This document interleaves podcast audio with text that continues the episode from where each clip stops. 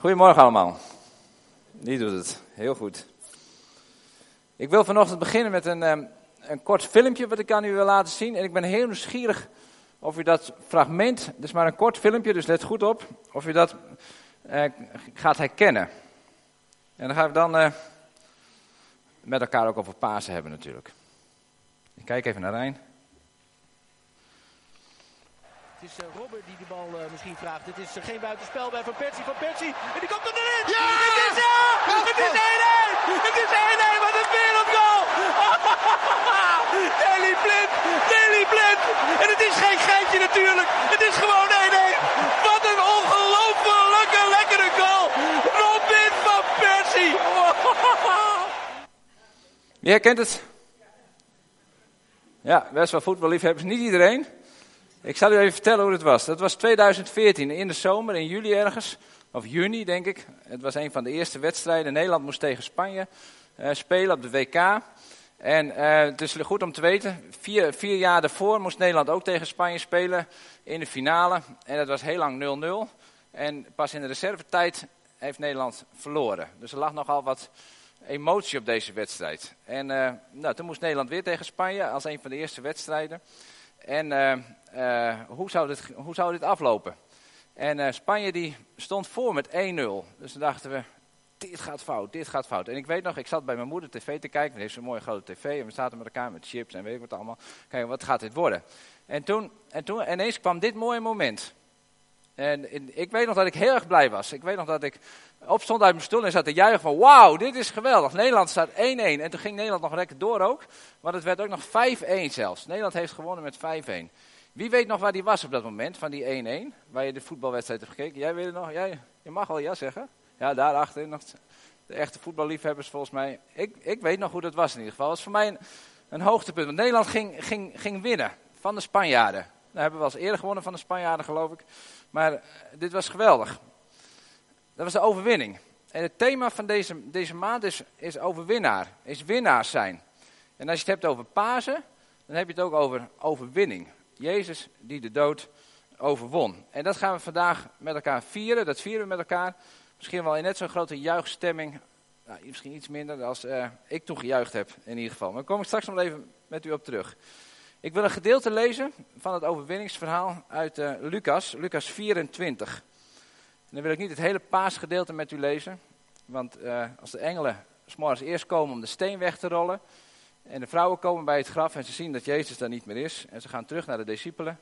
En een aantal discipelen die komen ook weer bij het graf. En ze zijn allemaal in verwarring. Hebben die vrouwen nou wel goed gesproken? Hebben ze het goed gezien? Hebben die andere discipelen het goed gezien? En dan wil ik met u het, uh, een stukje beginnen waar die verwarring nog steeds is. Dat is bij Lucas 24 vanaf vers 13. Dat is het verhaal van de Emmausgangers. En dat lees ik tot en met vers 27. En ik lees het voor uit de Bijbel in gewone taal. Maar lees u gerust met uw eigen vertaling mee. Op diezelfde dag gingen twee leerlingen van Jezus op weg naar het dorp Emmaus. Dat dorp ligt ongeveer 12 kilometer van Jeruzalem. Ze spraken met elkaar over alles wat er gebeurd was. Terwijl ze zo liepen te praten, kwam er iemand bij hen lopen. Het was Jezus, maar de leerlingen herkenden hem niet. Jezus vroeg, waar praten jullie over? Verdrietig bleven de twee leerlingen staan. Een van hen heette Cleopas. Hij zei tegen Jezus, jij komt hier zeker niet vandaan. Weet je niet wat er afgelopen dagen in Jeruzalem gebeurd is? Jezus vroeg, wat dan? Toen vertelden de leerlingen wat er gebeurd was met Jezus. Ze zeiden, Jezus was uit Nazareth. Jezus uit Nazareth was een profeet van God. Zijn bijzondere woorden en machtige daden maakten diepe indruk op het hele volk. Maar de priesters en de leiders wilden dat Jezus gedood zou worden. Daarom hebben ze hem weggebracht en aan het kruis gehangen. Wij hoopten dat Jezus gekomen was om Israël te bevrijden. Maar nu is het al de derde dag na zijn dood. Vandaag hebben een paar vrouwen uit onze groep ons erg in de war gebracht. Ze zijn vanmorgen heel vroeg naar het graf gegaan. Toen hebben ze ontdekt dat het lichaam van Jezus er niet lag. Dat kwamen ze ons vertellen. Ze hebben zelfs engelen gezien die zeiden dat Jezus leeft. Sommigen van ons zijn toen ook bij het graf gaan kijken en alles was precies zoals de vrouwen gezegd hadden, maar Jezus hebben ze niet gezien. Toen zei Jezus tegen hen, wat zijn jullie toch dom? Jullie begrijpen het ook steeds niet. Waarom geloven jullie niet wat de profeten hebben gezegd? Jullie wisten toch dat de Messias eerst moest lijden voordat hij koning kon worden? En Jezus legde hen uit wat er over hem in de heilige boeken stond. Hij begon bij de boeken van Mozes en al de profeten. Nou, dan gaat Jezus nog mee naar het dorp. En als Jezus dan het brood breekt, dan ineens herkennen ze dat het Jezus Christus is. Nou, tot zover het, het paasevangelie uit, uh, uit, uit, uit, uit de Bijbel. We vieren vandaag dat Jezus de overwinnaar is. We vieren vandaag het paasfeest. En ik zou, en ik hoop vandaag een extra facet daar nog een beetje weer, weer, weer aan toe te voegen. Het zijn leerlingen die met Jezus op pad zijn. En Jezus zegt tegen die, uh, die leerlingen, snap je het nou nog niet? Het stond in de profeten, het stond in het Oude Testament, zoals wij dat nu noemen. Er stond zoveel geschreven. En er stond dat de Messias moest sterven. Snap je dat nou niet? Ben ik zo lang bij jullie geweest, denkt Jezus. Heb ik zoveel dingen verteld, heb je zo met je neus bovenop gestaan. En snap je het nou nog allemaal niet eens? Heel bijzonder. Dus in het Oude Testament heeft, staat ontzettend veel over wat er uiteindelijk in het Nieuwe Testament gaat gebeuren. Er staat heel veel over Pasen. En ik wil vanochtend met u die vergelijking ook maken uit het Oude Testament, het Nieuwe Testament, wat er in Paas is gebeurd. En ook terugkoppelen naar ons eigen leven. Er staat heel veel geschreven over wat er allemaal ging gebeuren met Pasen. Je zou kunnen zeggen, het hele draaiboek, alles lag al klaar. Waar, Jezus aan begon, hij wist waar hij aan begon. Hij wist hoe het allemaal zou gaan. Want als je het Oude Testament kent, als je daar de profeten kent, als je de boeken van Mozes kent, dan weet je hoe het allemaal zou aflopen. En Jezus had daar al heel veel over verteld. En blijkbaar moest hij het nog een keer vertellen, zodat mensen het goed gingen begrijpen. De leerlingen stonden er bovenop, maar ze begrepen het ook niet helemaal. En Jezus moest het uitleggen. Ik wil met u de parallel trekken tussen de uittocht van Egypte, wat in het Oude Testament staat, en het Pasen. Wat dat met elkaar te maken heeft. En het heeft heel veel met elkaar te maken, het heeft heel veel raakvlakken. Als je alleen al kijkt naar het Pascha, want de, de Joden vieren het Pascha als, als, als beeld van de uittocht van Egypte, dan zie je al uh, heel veel vergelijkingen die daarin zitten. Ik noem u een paar. Uh, we hebben het ook al in, in een lied gezongen. Jezus is het lam dat is geslacht. Met de Pascha moest een lam geslacht worden. Toen de Joden uh, uit, toen de Israëlieten uit Egypte uh, gingen, moesten ze een lam slachten. En dat bloed dat moest op de deurposten gesmeerd worden. En dan zal de dood niet aan hun voorbij komen. En het lam, dat moest een lam zijn wat een jaar oud was. Dat is een, een sterk lam, wat in de kracht van zijn, van zijn leven stond. Jezus stond in de kracht van zijn leven. Het moest een smetteloos lam zijn, waar niks aan mankeerde. Jezus werd geslacht als een smetteloos lam. Er mankeerde niks aan, er was geen zonde. Zo zijn er heel veel parallellen te trekken tussen het paascha, het avondmaal, waarin Jezus laat zien dat hij degene is die het werkelijk vervult, en, uh, en het paasfeest. En als, als, als er dan zoveel gebeurt in, in Egypte, als het volk Israël dan, dan op pad gaat, dan gaan ze door de Rode Zee. Wat een heel mooi beeld is van de doop, waarin je het oude leven achter je laat en waar je in het nieuwe leven stapt. Een heel, heel bijzonder verhaal waar, waar, waar we uh, waar we ons als gelovigen aan mogen, mogen spiegelen. Je zou dat maar, maar, maar meemaken, heb ik gedacht. Als Israëliet, eerst ben je in, in, in Egypte, ben je slaaf.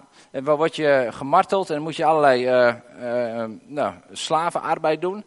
En dan kom, komt Mozes daar, die gaat naar de farao en die zegt... beste farao, je moet het volk laten gaan. En als Israëliet sta je daar dan en dan zie je allerlei plagen wat er gebeurt. En uiteindelijk uh, mag je zomaar gaan. Laat de farao je gaan. En ga je door die Rode Zee en, en, en dan het water split zich uit elkaar en dan mag je zomaar even doorheen. Uh, je zou het maar meemaken in die tijd, heb ik gedacht. Dan is het toch iets geweldigs wat je meemaakt. Iets heel groots wat je meemaakt. En het is ook iets heel groots. Zo groot zelf dat God zegt, vanaf nu moet je jaar beginnen op deze maand. Op deze maand dat jullie zijn bevrijd uit Egypte, dan moet je een nieuwe jaar beginnen. En dat is dan ook voor de Joden het eerste jaar.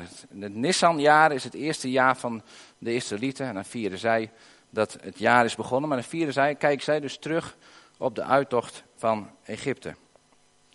En je zou denken dat je als Jood, als Israëliet, als je dat hebt meegemaakt, dat je nooit meer twijfelt aan wat God heeft gedaan. Ik weet niet of u dat wel eens meegemaakt, maar ik heb dan nog nooit meegemaakt dat het water uit elkaar gaat en dat je zo zonder brug zomaar ergens doorheen kan lopen. Ze hebben zulke grote dingen meegemaakt en je zou denken, de Israëlieten, die twijfelen nooit meer aan God. Zulke grote dingen heeft God gedaan, dat moet altijd goed komen. U kent het verhaal ook. Ze zijn nog maar net in een woestijn. Of ze beginnen al een beetje te mopperen en ze beginnen al een beetje te klagen. Ik heb even nagekeken, maar het staat in Exodus 16. Na 2,5 maand beginnen ze al te mopperen. 2,5 nadat je God zulke grote dingen gedaan heeft, beginnen ze al te mopperen. En zeggen ze, waren we nou maar in Egypte gestorven? Waarom heeft u ons hier naartoe gehaald? Waarom zijn we hier terechtgekomen? En dan zitten ze te klagen en te mopperen. Exodus 17 gaat er door.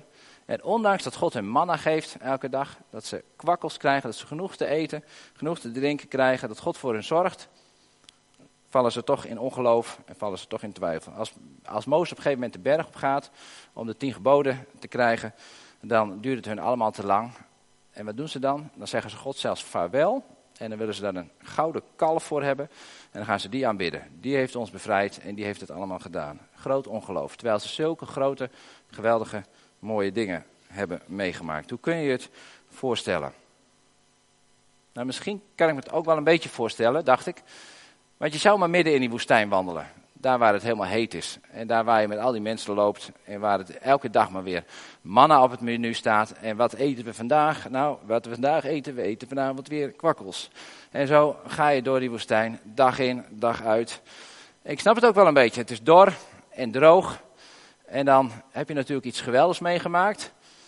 Uh, maar na verloop van tijd ben je dat misschien ook alweer een beetje kwijt. Omdat je om je heen kijkt en het dor en droog is. En dat je misschien na een jaar nog wel dat Pascha heel groot viert en het uh, geweldig vindt. Maar na drie jaar, na vijf jaar, na zeven jaar, na tien jaar, dan denk je, is dit het nou? Is dit het nou eigenlijk wel? Uh, geweldig wat er gebeurd is, maar nou, we vieren weer Pascha.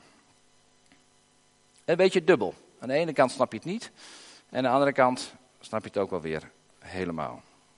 Ik heb tegen u gezegd, ik ga die vergelijking even trekken met wat daar gebeurd is en met het Pasen.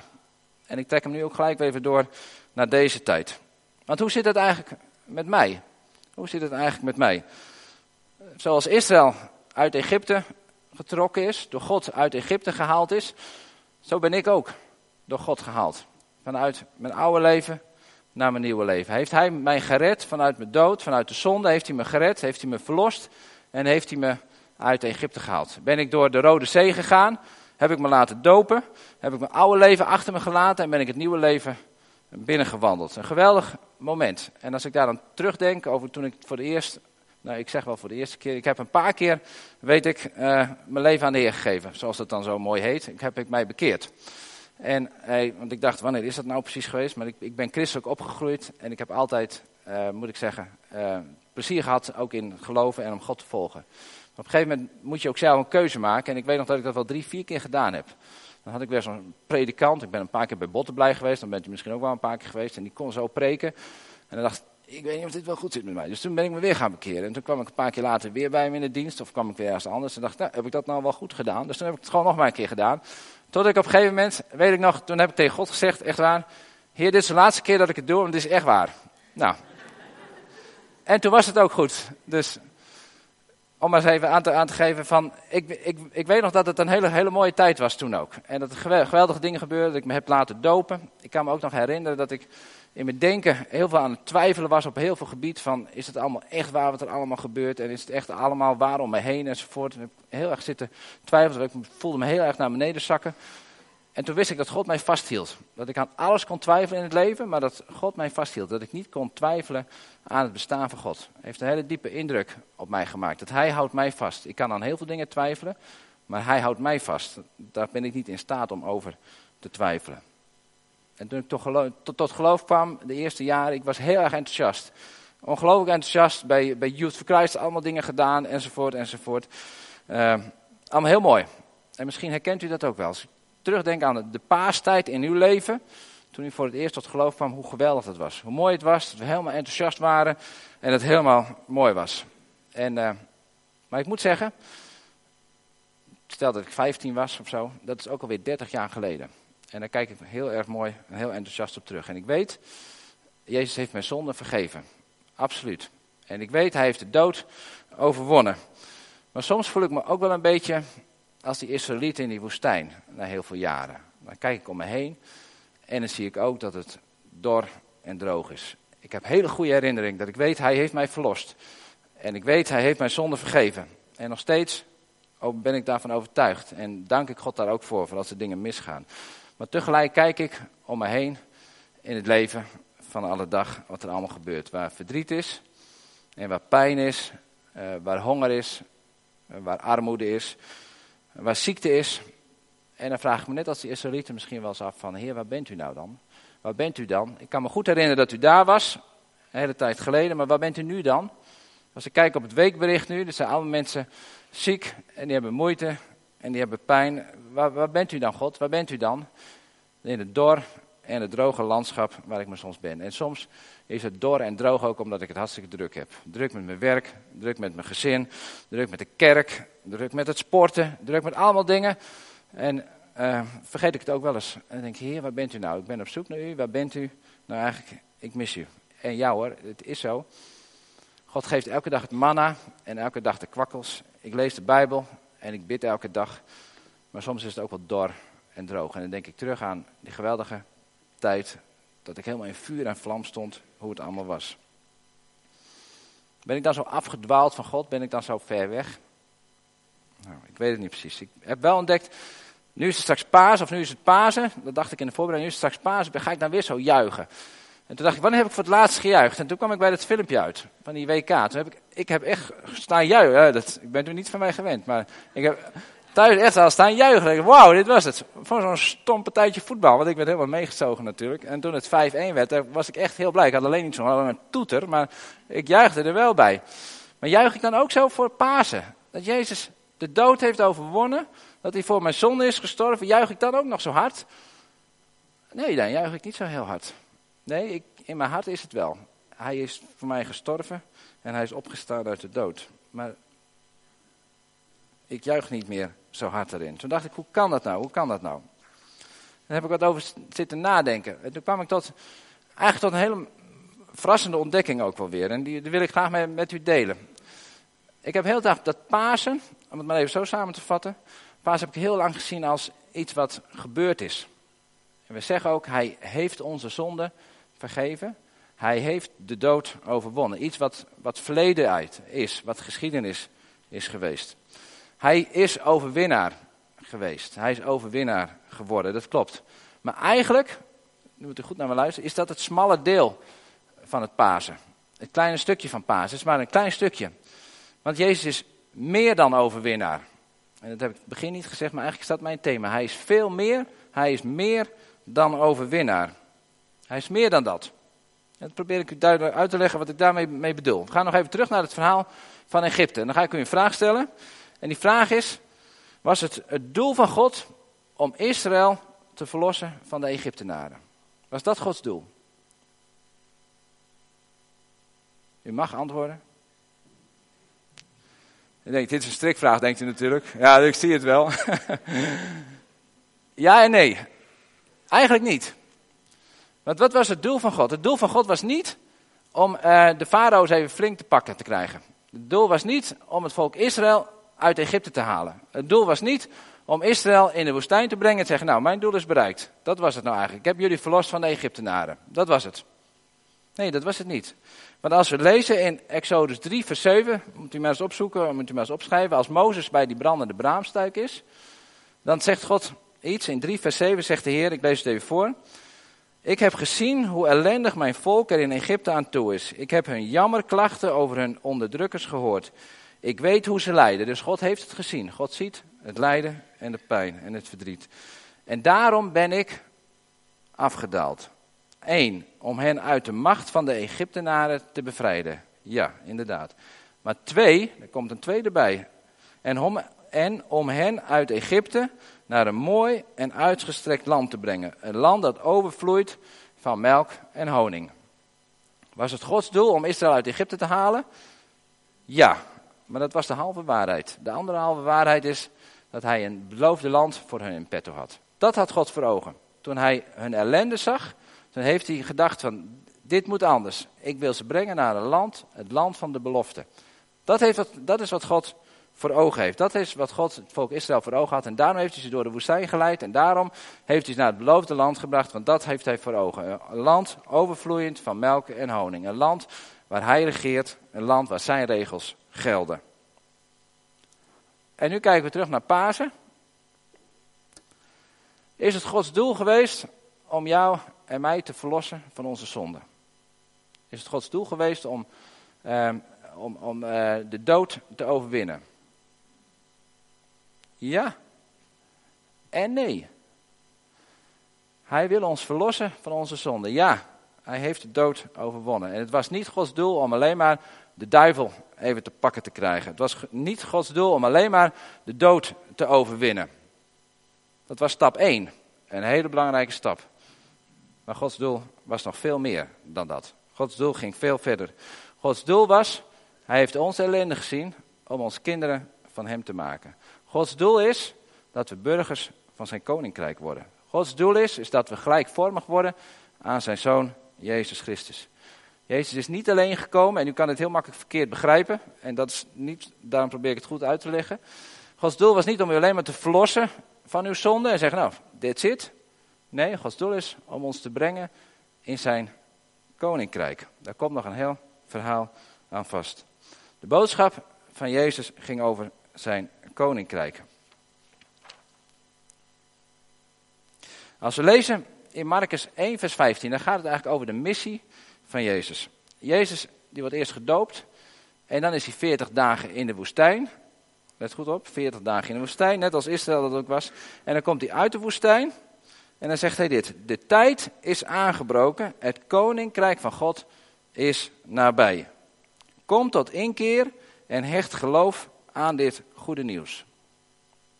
Dus Jezus heeft het over zijn koninkrijk. En als je de evangelie leest, dan lees je het voortdurend over zijn koninkrijk. Hij staat, stelt het koninkrijk van God centraal. En het is net als tegen de, de Emmausganger zegt hij, lees nou de profetieën. Lees de profetieën over het koninkrijk. Wanneer gaat u het koninkrijk van David herstellen? De Joden zaten te wachten op de Messias totdat het koninkrijk zou komen.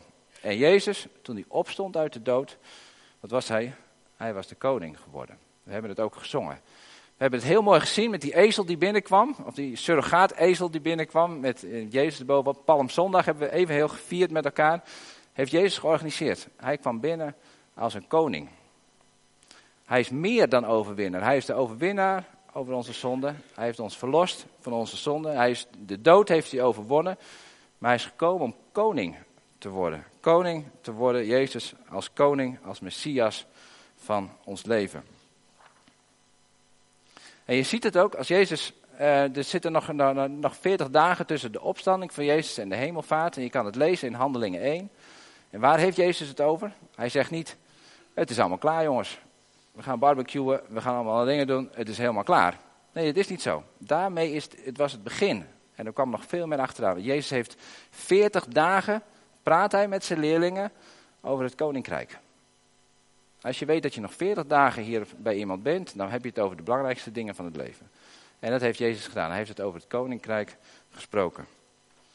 Dus Pasen is niet alleen een terugblik van wat heeft hij voor mij gedaan. En geweldig, hij heeft ons van de zonde verlost. En amen, dat is ook zo. Maar Pasen vertelt ons eigenlijk veel meer. Meer dan de overwinnaar. Hij is degene die koning is geworden en die regeert in zijn koninkrijk. En daarmee is Pasen ook het bewijs van Gods geweldige kracht. Niet alleen hoe het geweest is, dat, eh, in het bewijs laat hij dat zien. Maar we mogen nu ook weten dat hij een God is van kracht en van overwinning. Van meer dan overwinning. Ik pak even het voorbeeld weer terug van Egypte. Uh, God haalt het volk Israël uit Egypte. En heeft, is ongelooflijk krachtig is dat geweest. Hoe kun je ooit zo'n volk losmaken van de farao, die geweldig de overheerser was. Ik heb zitten denken, hoe zou je dat in deze tijd kunnen hebben? Stel je voor, in Noord-Korea, Noord-Korea worden heel veel christenen, worden zo'n beetje alle christenen onderdrukt, of je moet het heel geheim zijn. Stel je voor, een van die christenen, die uh, heeft een ontmoeting met God op een berg bij een brandende braamstuik. En die gaat naar die, uh, hoe heet die leider van Noord-Korea? Hij gaat naar de leider van Noord-Korea toe en zegt, God heeft tegen mij gezegd, u moet de christenen laten gaan. Nou, als u de verhalen van Noord-Korea een beetje kent, dan weet je wel dat je echt ongelooflijk veel lef moet hebben om dat voor elkaar te krijgen. Nou, dat, zo kun je het een beetje vergelijken met wat God gedaan heeft met dat volk Israël uit Egypte. Hij heeft het volk uit Egypte gehaald, onder de macht van de, Egypte, uh, van de farao vandaan gehaald. Het grote wonder gedaan, van de, de Schelfzee opengemaakt.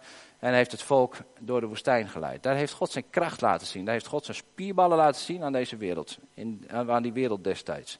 En 1300 jaar later, met Paas, heeft God het nog eens even flink overgedaan, om het maar zo te zeggen. Toen heeft hij de dood overwonnen. Waar kom je dat nou tegen? Iemand die de dood overwint. God heeft laten zien met Pasen dat hij sterker is dan de dood. Vele malen sterker.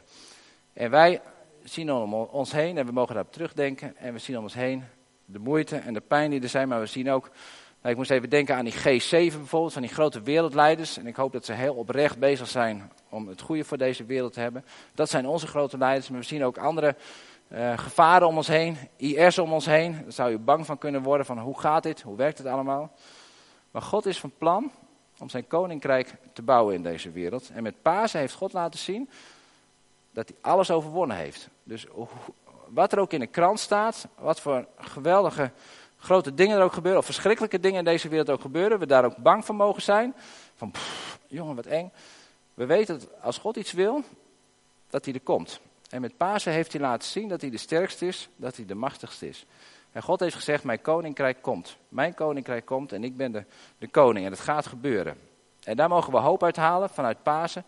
Dat wat er ook om ons heen gebeurt, hoe mis het ook gaat, wat voor grote grootheden er om ons heen ook optreden, dichtbij, ver weg, zijn koninkrijk komt. En er is niks wat hem in de weg staat. En daarmee is Pasen niet alleen iets van wat geweest is, maar het is ook iets wat komen gaat en ook wat voor nu en voor het heden. En dat betekent dat jij en ik, dat u en ik, dat wij onderweg zijn. Wij zijn onderweg. We zijn verlost van onze zonde. We weten dat Hij zijn kracht heeft laten zien. En dat Hij de grootste en de sterkste is. En zo zijn we net als de Israëlieten onderweg. En ja, we zijn een tijd in de woestijn. Een tijd in de woestijn waarin we mogen leren om Gods principes ons eigen te maken. Waarin we mogen leren om al dat denken van Egypte los te laten en ons te bekeren, zoals Jezus zei. Bekeert je, dat mogen we een andere manier van denken krijgen. Een andere manier van denken mogen we leren in die woestijn. Om het, de manier van denken van het koninkrijk aan te leren. Mogen we leren om te denken zoals God het wil. En zoals ook in het Nieuwe Testament staat, gij geheel anders. Gij hebt Christus leren kennen. En zo is God bezig om ons stapje voor stapje te veranderen. En mogen we leren om geleid te zijn door de geest. Om uh, achter hem aan te gaan, achter die vuurkolom te gaan. Achter uh, de wolkolom te gaan en de weg te gaan naar het nieuwe koninkrijk, naar het beloofde land. Maar na die periode van die woestijn is er ook een periode dat Gods koninkrijk zichtbaar gaat worden. Net als die Israëlieten in het beloofde land komen en het koninkrijk zichtbaar gaat worden. En zo mogen we het koninkrijk van God zichtbaar maken om ons heen in ons eigen leven. En eigenlijk is God het die het doet. Wij kunnen wel heel hard gaan werken, maar God is het die het door ons heen doet. En die principes die we in die woestijn geleerd hebben, mogen we in de praktijk brengen om ons heen. In alle moeite van ons bestaan, in alle verdriet en ellende in ons eigen leven, in de mensen om ons heen, in de wereld om ons heen, waar armoede is, waar eenzaamheid is en waar verdriet is, mogen wij die lichtpuntjes van God laten zien. Want het licht overwint de duisternis. En zo mogen we in onze thuissituatie laten zien dat we van de ander houden. Ook al verknalt de ander het, al verknal ik het. Uh, ook mag je in je werk iets van dat koninkrijk laten zien. Dat je trouw bent, dat je vol liefde bent, dat je geduldig bent. We mogen ook iets in de samenleving, hoe klein of hoe groot het ook mag zijn, iets laten zien van Gods recht in deze wereld en van zijn gerechtigheid. En zo mogen we ook nou, bijvoorbeeld het voedsel inzamelen, om daarmee als gemeente ook te laten zien en elkaar aan te moedigen dat het zo niet hoort te zijn in deze wereld. Dat er niet mensen horen zijn die van voedselbank afhankelijk zijn, maar dat we als kinderen van het koninkrijk ook mogen delen, mogen uitdelen. Wat een van de belangrijke principes van het koninkrijk is. En zo mogen we het koninkrijk van God om ons heen in ons leven zichtbaar maken. Dus Pasen is meer dan alleen terugkijken en halleluja roepen. En misschien wel heel hard juichen als je dat nog kunt, dan zoveel jaren van wat God allemaal gedaan heeft. Maar we mogen in het nu kijken, want Hij is koning. Hij is koning van mijn leven, Hij is de Heer van mijn leven. En zo kan het zomaar zijn dat er nog een heleboel christenen, en ik heb geen idee hoe dat zit, want ik, ik kijk ook alleen maar naar mezelf, uh, ronddolen in de woestijn. Verlost van Egypte, van de zonde verlost, en het helemaal geweldig vinden. Maar ook het spoor een beetje bij te zijn. En denk van, is dit het nou? Is dit het nou waar ik zo enthousiast over was? Is dit het nou waar ik zo, zo wild enthousiast van was en, en begon uh, te juichen? En misschien ook wel de twijfels heeft op een gegeven moment midden in de woestijn, dat je de weg even kwijt bent. Ja, Paas is geweldig, maar waar ben ik? Wat is dit? Ben ik onderweg naar wat? Is dit het nou dat je twijfels hebt in je leven over de kracht van God? Over zijn aanwezigheid? Jij hebt de Bijbel. Ja, je hebt broeders en zusters, maar het kan zijn dat je het dorre en het droge om je heen ziet. Het kan het ook zomaar zijn dat we als christenen, een heel groep christenen ergens bij een oase zitten, heb ik zitten denken. Een oase, daar onze tent hebben opgeslagen. En er nog een subtentje bij hebben gezet voor onze voorraden. En onze voetjes in het water hebben. Een stoeltje erbij hebben gestaan en zeggen, nou, dit is ook een mooi plekje in de woestijn. Hier is water, hier kunnen we drinken en hier kunnen we nog lekker in, in zwemmen. En je hebt het allemaal best wel voor elkaar. En s'morgens hebben we wat manna op het menu. En we hebben ontdekt dat als we daar een beetje chocopasta op smeren, dat het ook nog best wel te eten is.